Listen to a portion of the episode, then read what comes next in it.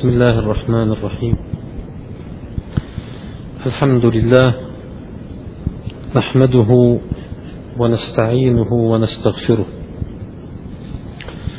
والصلاة والسلام على تمام أنبياء الله خاصة خاتمهم النبي المصطفى محمد صلى الله عليه وآله وسلم.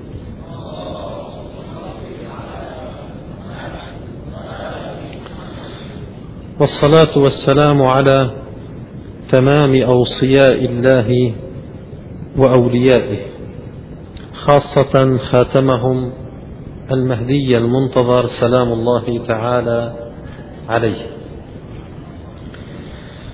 اللهم كن لوليك الحجة ابن الحسن صلواتك عليه وعلى آبائه في هذه الساعة وفي كل ساعة. وليا وحافظا وقائدا وناصرا ودليلا وعينا حتى تسكنه أرضك طوعا وتمتعه فيها طويلا. هذه الأيام هي أيام المنتصف النصف من شهر شعبان حيث الليلة المباركة واليوم المقدس. الذي ولد فيه حجة الله تعالى على أرضه. وارث الأنبياء محيي السنن. ولد محقق حلم الأنبياء في قيام دولة الأرض دولة العدالة في الأرض الذي يملأها قسطا وعدلا. بقدر ما ملئت ظلما وجورا. ولادة الإمام صاحب الزمان سلام الله تعالى عليه تذكرنا بأنه هو الذي سيحقق الدولة الإلهية العالمية حيث لا يبقى على وجه الأرض راية إلا راية لا إله إلا الله.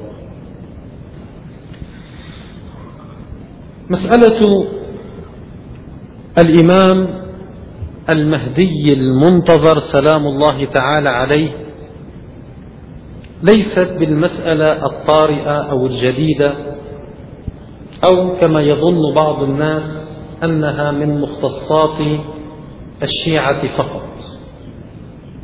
كل المسلمين يؤمنون بالإمام المهدي سلام الله تعالى عليه.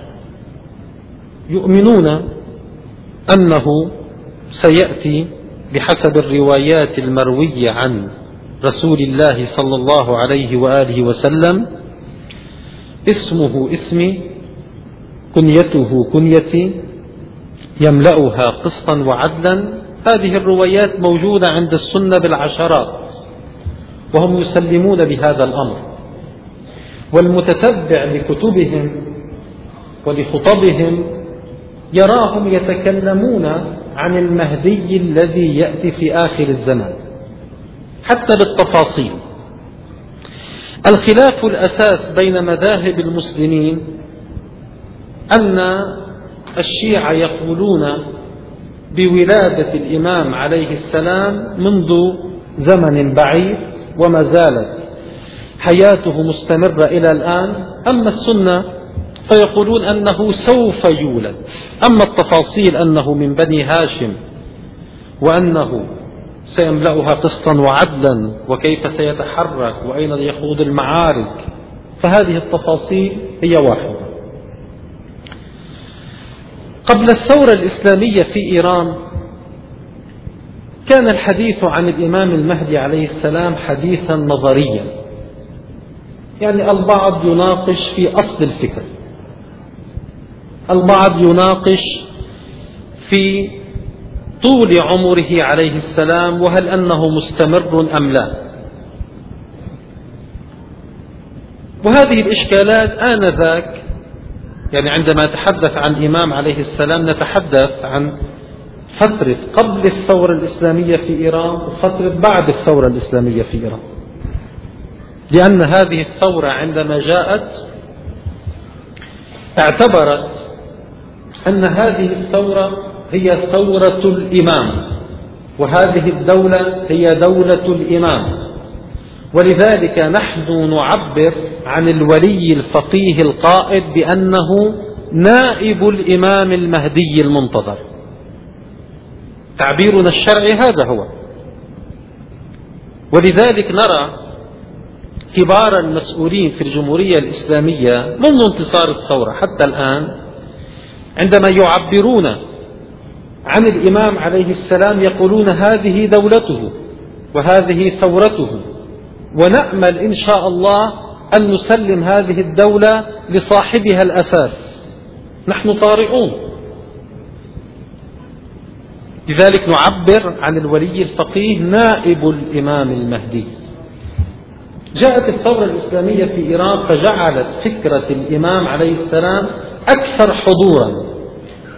هذا هو الفرق الأساس أيضا عمليا في الواقع بين مذاهب المسلمين. يعني كل مذاهب المسلمين بما فيه السلفية والوهابية هم يؤمنون بالإمام المهدي عليه السلام ولكن قد يتكلمون عنه في العام مرة واحدة في السنوات مرة واحدة. أما الشيعة فإنهم يتحدثون عن الإمام المهدي عليه السلام على الأقل في كل يوم عدة مرات. لذلك عندما تأتي إلى المجتمع الشيعي في هذه القرية أو هذه المدينة وخاصة في الجمهورية الإسلامية ترى أن أسماء الإمام عليه السلام تطلق على الشوارع الأساسية. أكبر شارع بطهران الذي يبدأ من شمال طهران إلى جنوبها وطوله 42 كيلو متر اسمه شارع ولي عصر. يعني شارع إمام الزمن. في الجمهورية الإسلامية ترى أن الإمام المهدي عليه السلام حاضر في الشوارع في الساحات في المحلات في الدكاكين في المؤسسات في الشركات في الجمعيات في أسماء الأطفال. طفل اسمه مهدي. نسميه نحن. هذا اسم للتبرك إذا قبل الثورة الإسلامية في إيران كانت الأسئلة هي أسئلة نوعا ما استفهامية طرفية. بعد انتصار الثورة في إيران أصبح الحديث عن الإمام المهدي المنتظر سلام الله تعالى عليه أصبح حديثا حقيقيا جديا واقعيا للمحبين والمبغضين. يعني المحبون شعروا في قرارة أنفسهم أن العلامات علامات الظهور بدأت بالتحقق. فبدأوا يسألون. نحن الآن هلأ بعد عشر عشرين سنة نتحدث عن الإمام المهدي عليه السلام أكثر مما كنا نتحدث من قبل. المبغضون أيضا يتحدثون عن الإمام المهدي عليه السلام يسألون يستفهمون من باب أعرف عدوك. والدليل على ذلك؟ إذا تأملنا ولاحظنا نرى أن أعداءنا بعد انتصار الثورة الإسلامية في إيران عندما بدأت قلوب الناس تتعلق وألسنة الناس تلهج ونفوس الناس تشتاق للإمام المهدي المنتظر سلام الله تعالى عليه أخذوا يسألون عن معنى المهدي ومن هو وما دوره وماذا سوف يفعل. حتى أن إحدى النكت التي تقال حول هذا المجال هي نكتة ولكنها معبرة. البعض يقول أن المخابرات الأمريكية جمعت كل المعلومات عن الإمام المهدي عليه السلام ولم يبقى ينقص من الملف إلا الصورة فقط. هذه إحدى النكت. إحدى النكت يقولون أن الأمريكيين عندما احتلوا العراق لاحظوا أن المقاومة الإسلامية في لبنان كانت تتحدث عن الإمام المهدي المنتظر وأن الثوار في العراق أن المجاهدين في العراق يتحدثون عن الإمام المهدي المنتظر. فالأمريكيون يسألون من هو المهدي المنتظر؟ نريد أن نعرفه. لذلك إذاعة مونتي كارلو بعد انتصار الثورة الإسلامية في إيران مباشرة عام الثمانين أقيم احتفال ضخم جدا في طهران حضره الملايين. فتقول الإذاعة أقيم اليوم احتفال في طهران لمناسبة ولادة السيد مهدي منتظر. هم لا يعرفون. هو إمام هو شيخ هو أستاذ هو آغا. المهم أنه في العقدين الأخيرين فكرة الإمام عليه السلام أصبحت حاضرة. لماذا؟ للأحباب وللأعداء.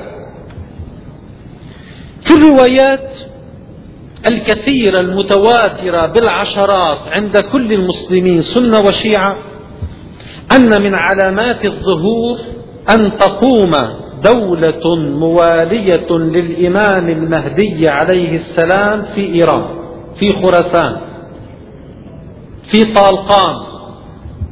طالقان مدينة مشهورة معروفة.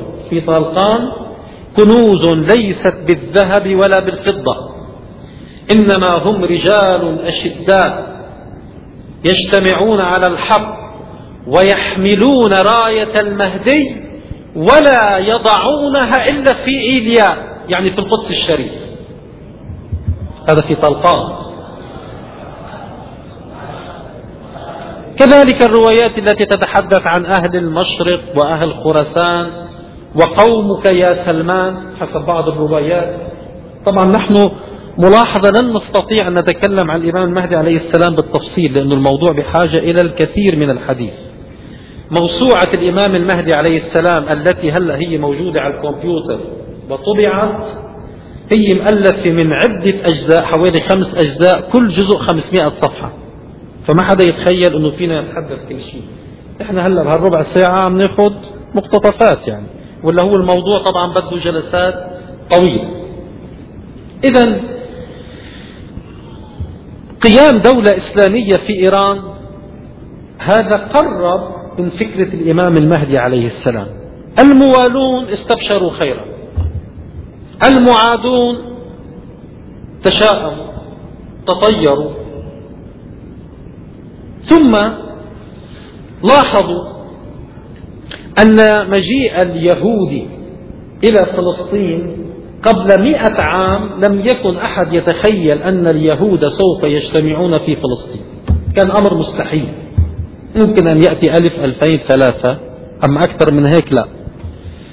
الروايات عندنا تؤكد أن اليهود سوف يجتمعون في فلسطين وسوف يساندون من قبل الروم أهالي الروم والروايات في ذلك كثيرة.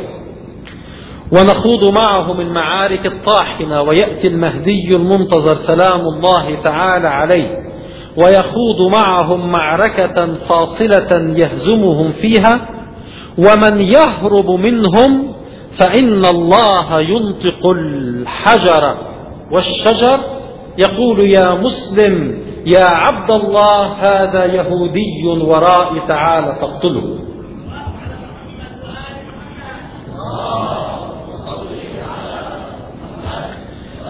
مسألة مجيء اليهود إلى فلسطين تحققت خافوا أكثر.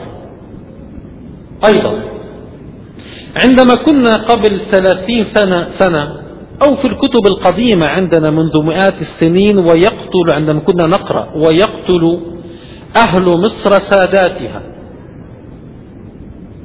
هذا من مئة سنة من مئتين سنة كان لا يمكن تفسير هذا الحديث إلا أنه يقتل أهل مصر ساداتها يعني يعني أميرها.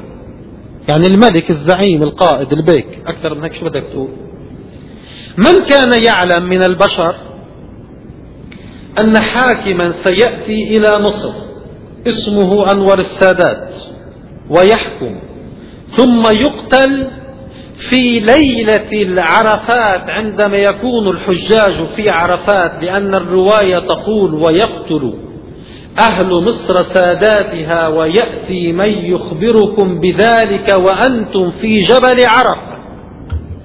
وأنا كنت في جبل عرفة. عندما كنا ننزل في ليلة عرفة صرخ الناس وكبروا قالوا قتل السادات. مع أنه السنة مؤلفة من 365 يوم وهذه الرواية من من أيمتى إذا هناك الكثير من الدلالات والإرهاصات على أن عصر الظهور قد اقترب هذا الأمر بالنسبة لنا نحن نستبشر. اللهم عجل فرجه. بالنسبة للأعداء هذا أمر مخيف. ولذلك نرى أن أعداءنا وإن كنا للأسف نحن لا نشعر لا نشعر بأهمية أنفسنا. الأعداء يهتمون بهذا الأمر.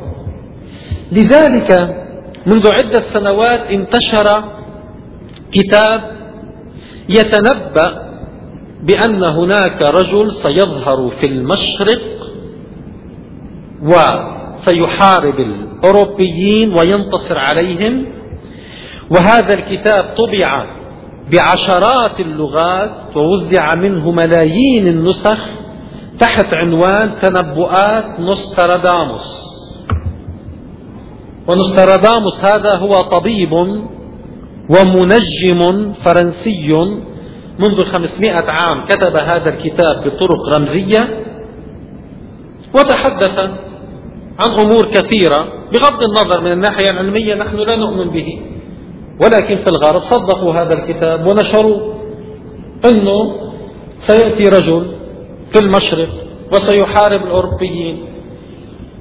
وحولوا هذا الكتاب إلى فيلم مصور الآن يبث في السينمات الأمريكية في دور السينما الأمريكية. نصدر تراداموس يتحدث أن هناك رجل ملك عظيم سيطيعه الناس ويحاربه. فهم يخافون حقيقة من هذا الأمر. نحن الآن أولا نتعلق بالإمام المهدي عليه السلام من الناحية العقائدية. هذا المبدأ لأن الولاء الصادق لرسول الله صلى الله عليه وآله وسلم هو ولاء للزهراء ولعلي ولأهل البيت وخاتم الأوصياء هو المهدي المنتظر سلام الله تعالى عليه. ثانيا نرجو الله تعالى أن يوفقنا بأن يكون لنا نحن دور إن كان بالتمهيد أو بالجهاد بين يديه أو بالاستشهاد. هذا ما نأمل. ثالثا أيها الإخوة أشكر الله تبارك وتعالى أن جعلنا نحن خلقنا في المنطقة التي تدور فيها الأحداث الرئيسية وتحركات الإمام المهدي سلام الله تعالى عليه. ومن هنا تنطلق الجيوش إلى جميع أنحاء العالم حتى لا تبقى في الأرض راية إلا راية لا إله إلا الله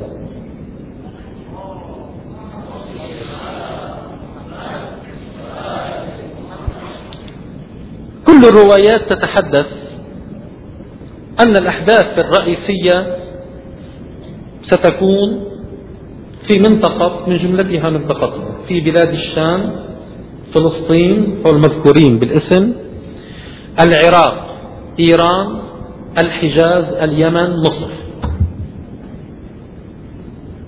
وطبعا بإيجاز أن الإمام عليه السلام سوف يخرج من مكة.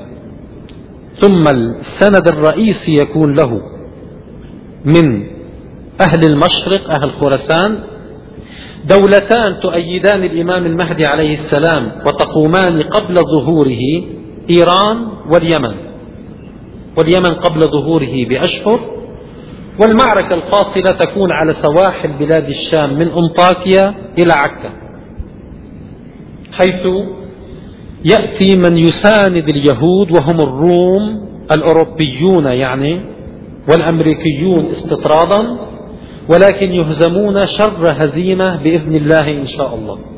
فسوف نرى الآن بعض الأمثلة. ومن جملة علامات الظهور أنه تحدث فتنة في بلاد الحجاز. ويكون الملك آخر ملك اسمه عبد الله. وبعد منا يختلف القوم فيما بينهم. لن نستطرد الآن كثيرا. نحن نلحظ الآن أن التهديدات الموجهة للحاكمين في بلاد الحجاز حول تقسيمهم وخاصة أن التقارير الأمريكية تتحدث أنه بعد من أبناء عبد العزيز ما عادش في حدا أن المخابرات الأمريكية من عدة سنوات. يقولون أنه عبد العزيز لما مات سلموا الملك فيصل وبعد فيصل اجى خالد وبعد خالد اجى فهد. وبعد فهد ما عادش في هلا إلا عبد الله وسلطان. هلا بعد منهم مين رح يجي؟ ما كل واحد عنده 20 30 ولد. فرح يختلفوا فيما بينهم ويتقاتلون.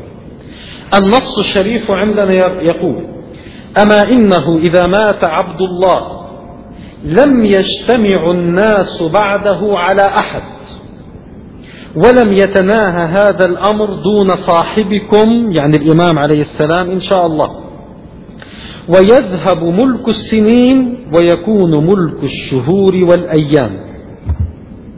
هذا اللي بيحكم عشر سنين و12 سنة ما عادش في منه. كل واحد بيقتل الثاني هذا بيحكم شهرين هذا أربعة أشهر هذا ثلاثة أشهر وهكذا دواليك كذلك من جملة النصوص.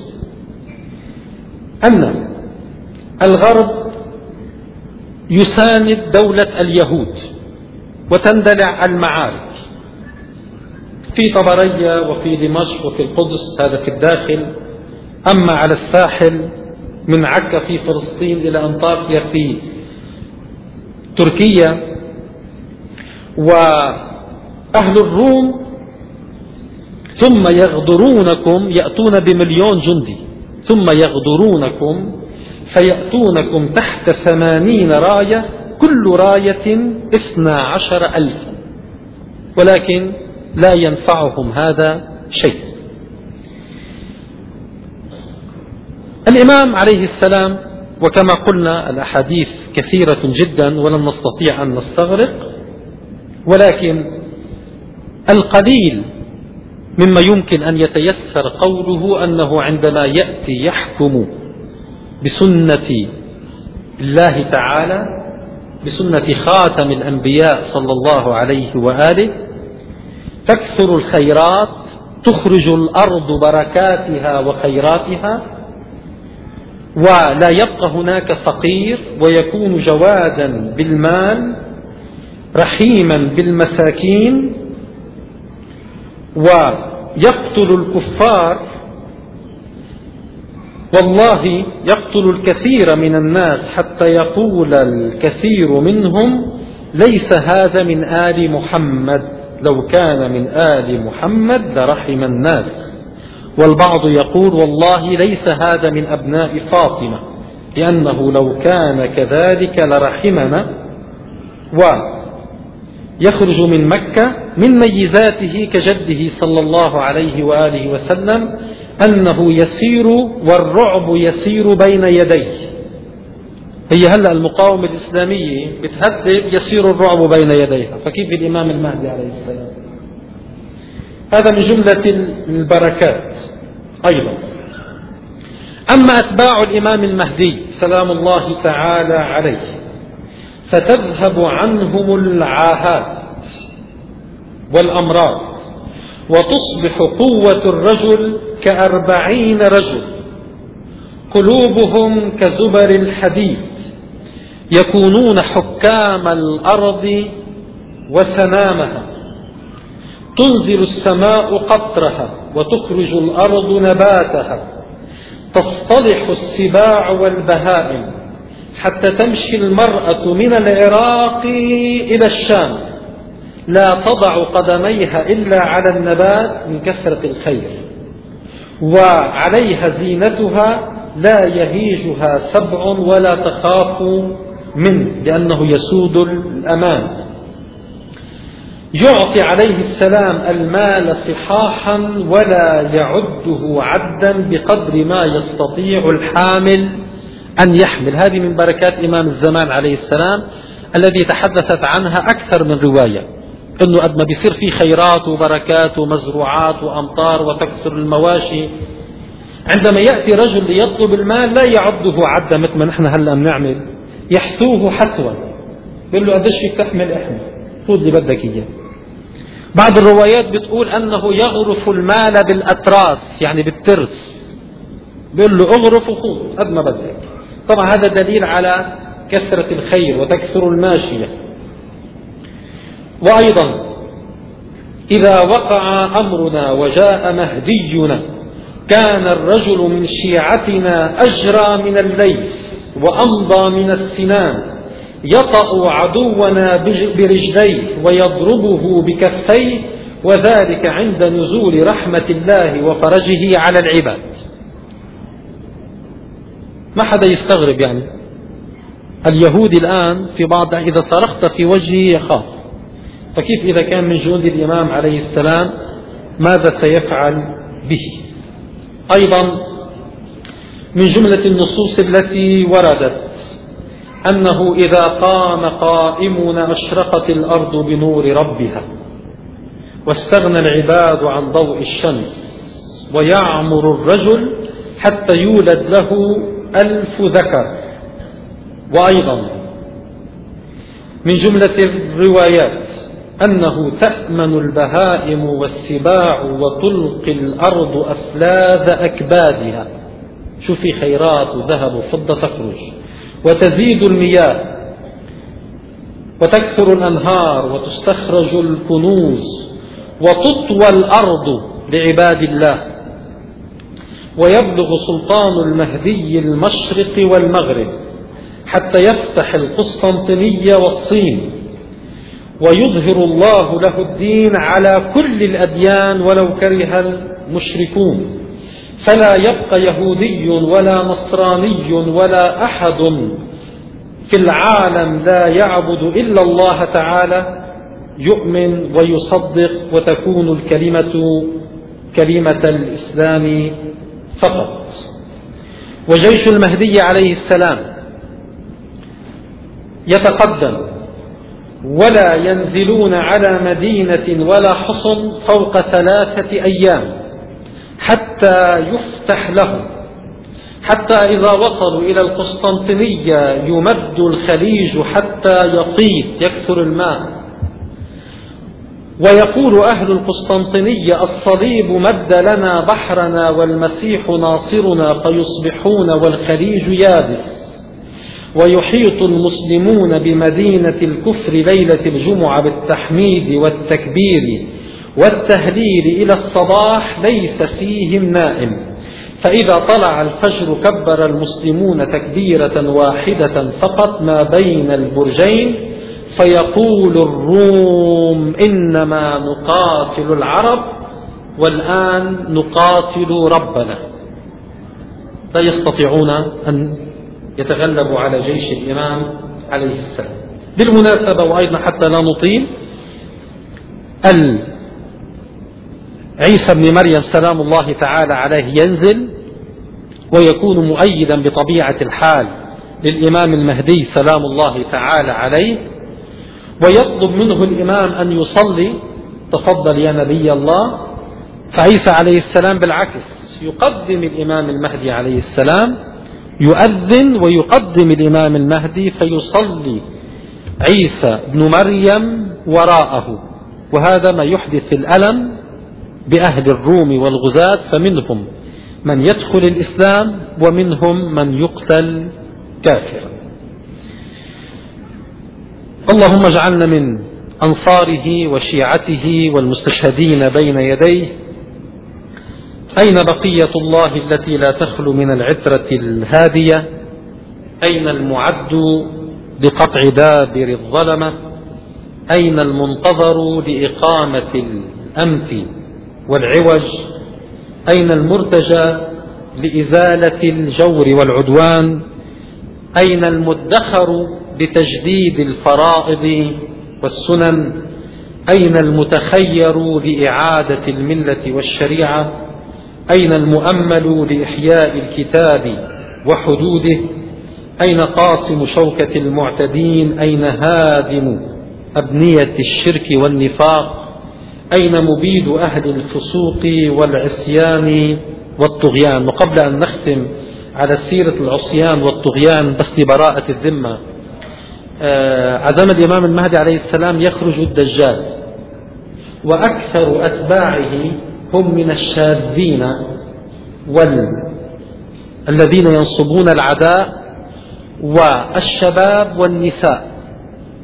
هذه فقط لبراءة الذمة. كيف نحن هلأ نلاحظ أن الفتن الكثيرة التي تعرض في وسائل الإعلام أكثر من يتبعها الشباب المغرر خيول أو النساء؟ فننتبه للكثير من الفتن التي يمكن أن تعرض علينا. فالدجال يصد عن سبيل الله بهذه الطريقة. بسم الله الرحمن الرحيم. قل هو الله أحد. الله الصمد. لم يلد ولم يولد ولم يكن له كفوا أحد. صدق الله مولانا العظيم.